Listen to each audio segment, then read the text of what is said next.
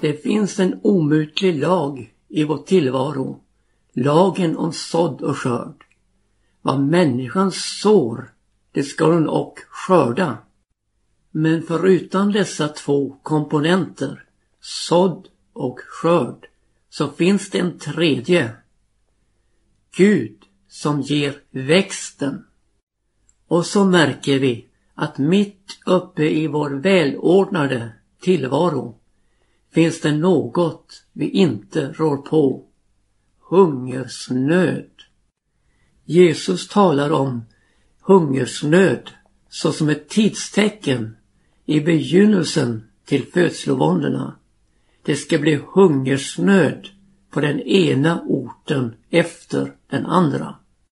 Det är ju så att hungersnöd har förekommit under historiens lopp vid flertal tillfällen. Men här är det tydligt att vi har att göra med något ytterst allvarligt då Jesus poängterar på den ena orten efter den andra. Alltså en tilltagande hungersnöd. Man kan inte skälpa ut och kassera goda födovaror bara för att hålla priserna uppe som EU har gjort. Här träder verkligen lagen om sådd och skörd in. Och hur kan man kasta ut goda födovaror bara för att det är någon dag gammal? För att man vill ha något nytt för dagen? När det är en värld som är i hungersnöd. När vi nu lever i begynnelsen till födslovåndorna och upptäcker och upplever hur hungersnöden sprider sig från den ena orten till den andra så är det oerhört viktigt att vår Guds förbindelse är upprättad och vet vem vi ska vända oss till i nöden, i nödsituationerna. Jag som talar här har vid något eller några tillfällen i barndomens dagar fått uppleva vad det vill säga att sakna det dagliga brödet. Men så hade jag föräldrar som trodde på Gud och vände sig till honom. Och min mor, hon dukade bordet i tro och helt plötsligt så klappade på dörren och maten var serverad. Sådan är Gud. Han övergiver oss inte. Och det är klart att detta har satt prägel på mitt liv även nu sedan jag kommit på grön kvist. Jag förstår att det är Gud som förser oss. Och tacksamheten blir naturligtvis därefter. Hungersnöd har ju inneburit folkomflyttningar under historiens lopp. Jag tänker på när Josef blev såld av sina bröder och blev förd som fånge till Egypten. Hur han oberättigat blev kastad i fängelse. Men hur Gud förde honom från fängelsets innersta upp i faraos hov som den mäktigaste i landet efter farao i Egypten. Ja, Gud är aldrig rädd för att starta händelsekedjor av oändligt omfång för att få igenom något av hans planer och hans vilja. Farao hade en dröm som gjorde honom orolig till sinnes. Och eh, vi kan läsa om den i Första Moseboks 41 kapitel. Två år därefter hände sig att farao hade en dröm. Han tyckte sig stå vid Nilfloden och han såg sju kor, vackra och feta, stiga upp ur floden och de betade i vassen. Sedan såg han sju andra kor, fula och magra, stiga upp ur floden och de ställde sig bredvid de förra korna på stranden av floden och de fula och magra korna åt upp de sju vackra och feta korna. Därefter vaknade farao. Men han somnade åter in och såg då i drömmen sju ax, frodiga och vackra, växa på samma strå. Sedan såg han sju andra ax skjuta upp, tunna och svedda av östanvinden. Och den tunna axen uppslukade sju frodiga och fulla axen. Därefter vaknar farao och fann att det var en dröm. Men drömmen var en förestående verklighet som Gud hade uppenbarat för farao. Han förstod sig inte på drömmens innehåll, vad det betydde och ingen spåman i Egypten kunde utlägga dess betydning för farao. Men så fick han veta att i fängelset fanns en man som kunde uttyda drömmar. Ja, det var Josef och han blev hämtad från fängelsehålan till faraos hov och fick förelagt drömmen. Och jag läser då från 25 versen. Då sa Josef till farao Faraos drömmar har en och samma betydelse. Vad Gud ämnar göra, det har han förkunnat för farao. De sju vackra korna betyder sju år. De sju vackra axen betyder och sju år. Drömmarna har en och samma betydelse. Och de sju magra och fula korna steg upp efter dessa betyder sju år, så och de sju tomma axen, de som vore svedda av östanvinden. Sju hungerår ska nämligen komma. Detta menar när jag sade till farao vad Gud ämnar göra, det han låtit farao veta. Se, sju år skulle komma med stor ymnighet över hela Egyptens land. Men efter dem skulle sju hungerår inträffa, sådana att man skall förgäta alla de, för, de förra ymnigheten i Egyptens land och hungersnöden skall förtära landet. Och man skall icke ha något minne av den förra ymnigheten i landet för den hungersnöd skull som sedan kommer till det ska bli mycket svår. Men att farao hade drömmen två gånger det betyder att det är av Gud bestämt och att Gud ska låta det ske snart. Och det var inte bara en redogörelse för kommande händelser utan Josef trädde i karaktär. Och jag läser då vidare. Må nu alltså farao utse en förståndig och vis man som man kan sätta över Egyptens land. Må farao göra så, må han och förordna tillsyningsmän över landet och taga upp femtedelen av avkastningen i Egyptens land under sju ymniga åren. Må man under dessa kommande år, goda år samla in allt som kan tjäna till föda och hopföra säd under faraos vård i städerna för att tjäna till föda och må man sedan förvara den så att dess födoämnen finnas att tillgå för landet under sju hungersår som skulle komma över Egyptens land. Så ska landet icke behöva förgås genom hungersnöden. Så hade Gud lagt till rätta inför den kommande hungersnöden att bröd fanns att tillgå. Men det fanns ett högre syfte i händelseförloppet. De bröder som sålt Josef skulle komma bugandes inför honom. Och det skulle bli en uppgörelse emellan bröderna där försoningens verklighet skulle göra sig gällande. Josef blev sänd före för att hålla människor vid liv i denna hungerns tid. Men det skulle också innebära att för bröderna och för den gamle Jakob skulle finnas bröd och tillgå i denna hungersnödens tid.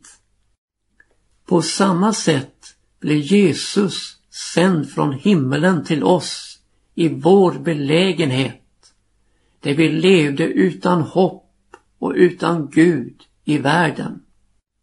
Där brödet från himmelen, Jesus Kristus, skulle ge mättnad till vår invärtes människa med evigt liv i honom.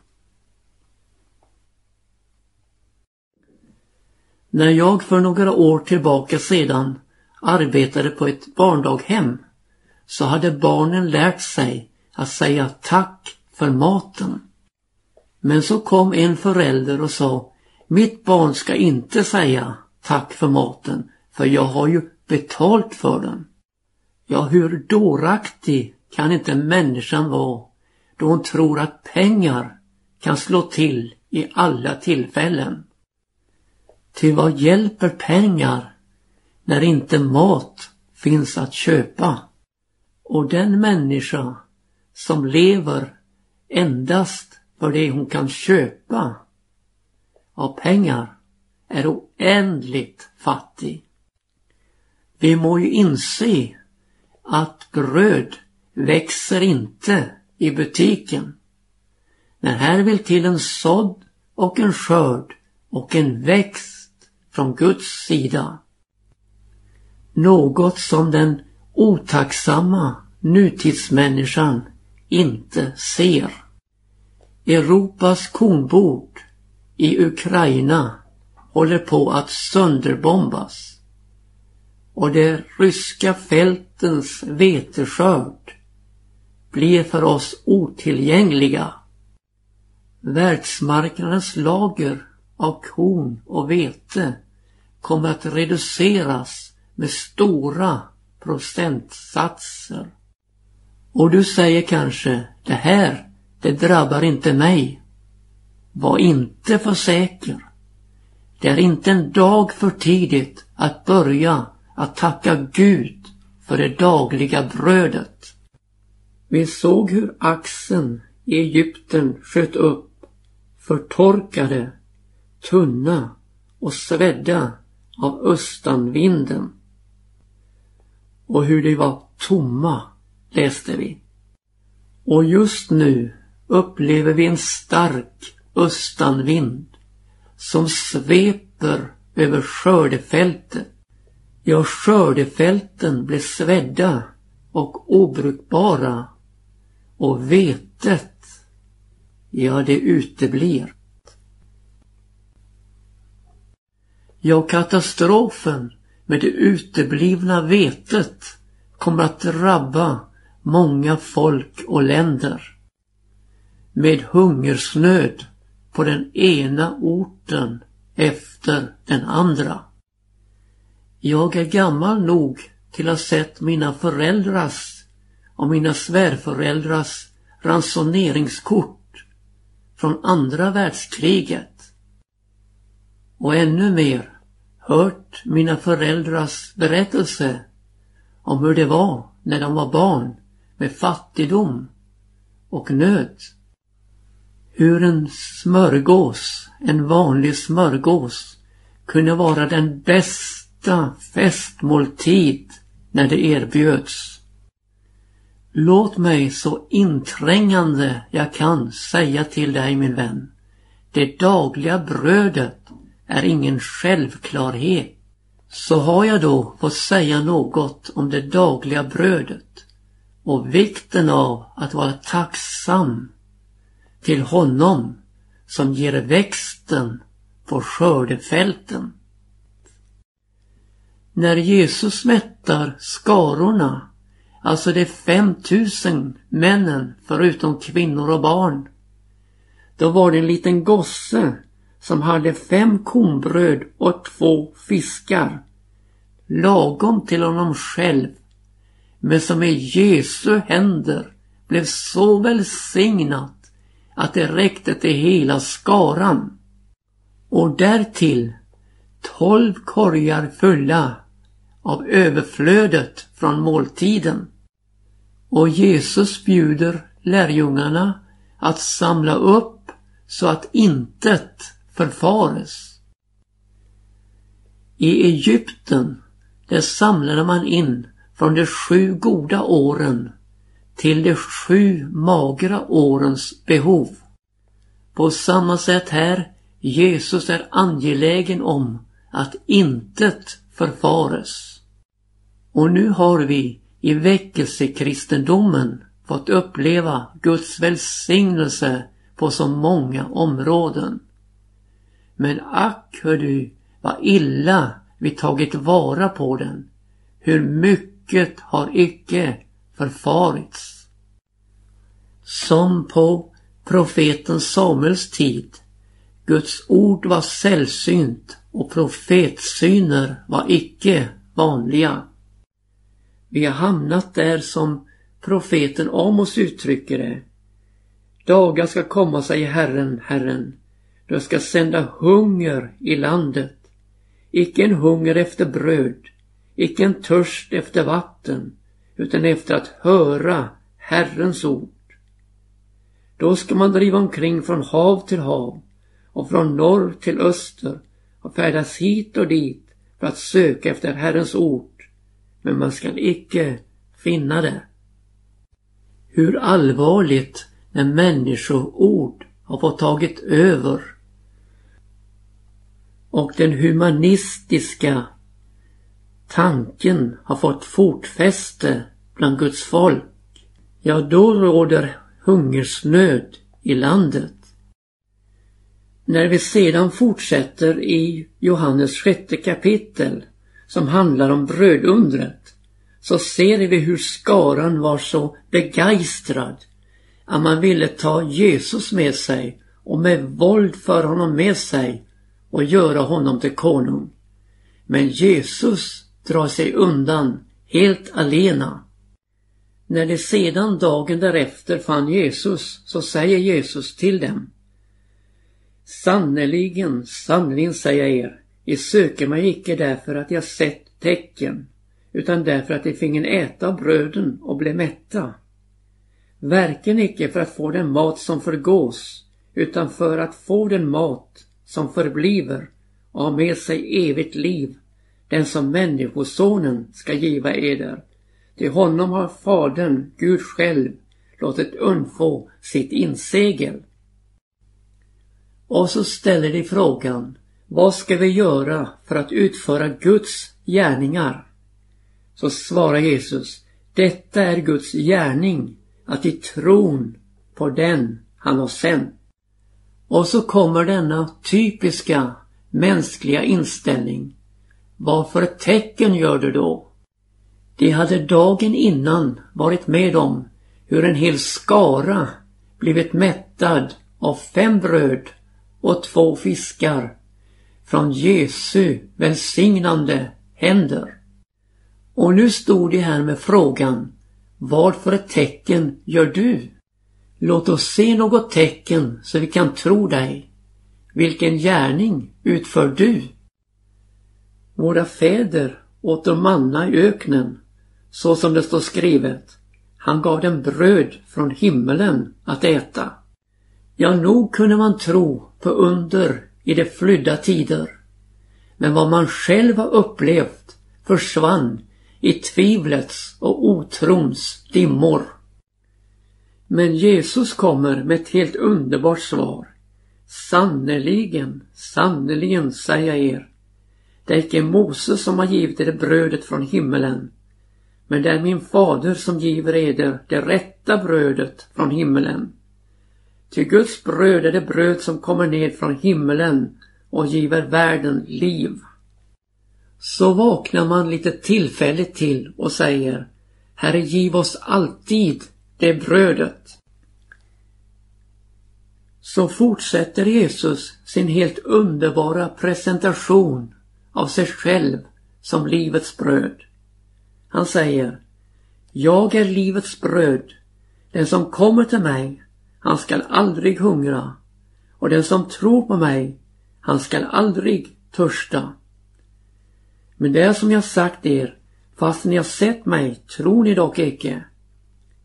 Allt vad min fader ger mig, den kommer till mig. Och den som kommer till mig, honom ska jag sannerligen icke kasta ut. Ty jag har kommit ned från himmelen, icke för att göra min vilja, utan för att göra dens vilja som har sänt mig. Och detta är dens vilja som har sänt mig, att jag icke ska låta någon enda gå förlorad av dem som han har givit mig, utan jag ska låta dem uppstå på den yttersta dagen. Ja, detta är min faders vilja, att var och en som ser sonen och tror på honom, han ska ha evigt liv och jag ska låta honom uppstå på den yttersta dagen. Så möts detta underbara tal av knorriskhet. Men Jesus fortsätter. Jag är livets bröd. Era fäder åt manna i öknen och det dogo. Men med det bröd som kommer ned från himlen är det så att om någon äter därav så skall han icke dö. Jag är det levande brödet som har kommit ned från himlen. Om någon äter av det brödet så skall han leva till evig tid. Och det bröd som jag ska giva är mitt kött och jag giver det för att världen ska leva. Knorriskheten späds nu på med tvistande bland judarna. Hur skall denne kunna ge oss sitt kött att äta? Åter fortsätter Jesus och poängtera för oss att det är han det gäller om. Han är det bröd som har kommit ned från himmelen som ger världen liv. Han säger Sannerligen, sannerligen säger jag er, om icke äten människosonens kött och dricken hans blod, så har han icke liv i er.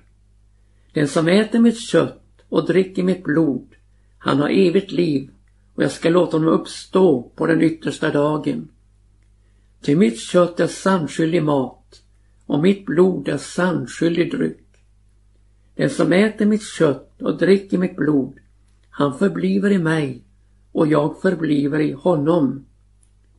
Så som Fadern, han som är den levande, har sänt mig och så som jag lever genom Fadern, så skall och den som äter mig leva genom mig. Så är det med det bröd som har kommit ned från himmelen. Det är icke så som de fäderna fingo äta, vilka sedan dogo. Den som äter detta bröd, han ska leva till evig tid. Så förstår vi då av textsammanhanget att det handlar om att förenas med Jesus i hans död och uppståndelse. Att förbli i honom. Inte en kort episod där vi fick äta utav det välsignade brödet utan ett liv, ett förblivande liv i honom. Så blir här det dagliga brödet en andlig företeelse med liv i honom, med brödet som har kommit ned från himmelen. Han bar våra synder i sin kropp upp på korset och genom hans blod blir vi renare från våra synder. Det är i denna förening med honom, i hans död och uppståndelse, som frälsningen ligger. I detta bröd som kom ned från himmelen, Jesus Kristus, finns allt vad vi behöver för vår frälsning. Här finns livet, det eviga livet som erbjuds oss genom tron på honom. Han som sköt upp såsom ett rotskott ur förtorkad jord. Vilken oerhörd växtkraft var det icke i det sanna vetekornet som blev lagt i jorden på Golgata när Jesus dog för oss. Där var strå där var ax. Där var fullbildat vete som Gud gav växten till i ett fullbordat försoningsverk till mättnad för en hel värld. För den som i tro tar emot honom. Jag i sanning, Gud gav växten och det ensamma kornet, Jesus Kristus, blev till försoning för en hel världs synder och mättnad för den som i tro tar emot honom, Jesus Kristus, i sitt liv.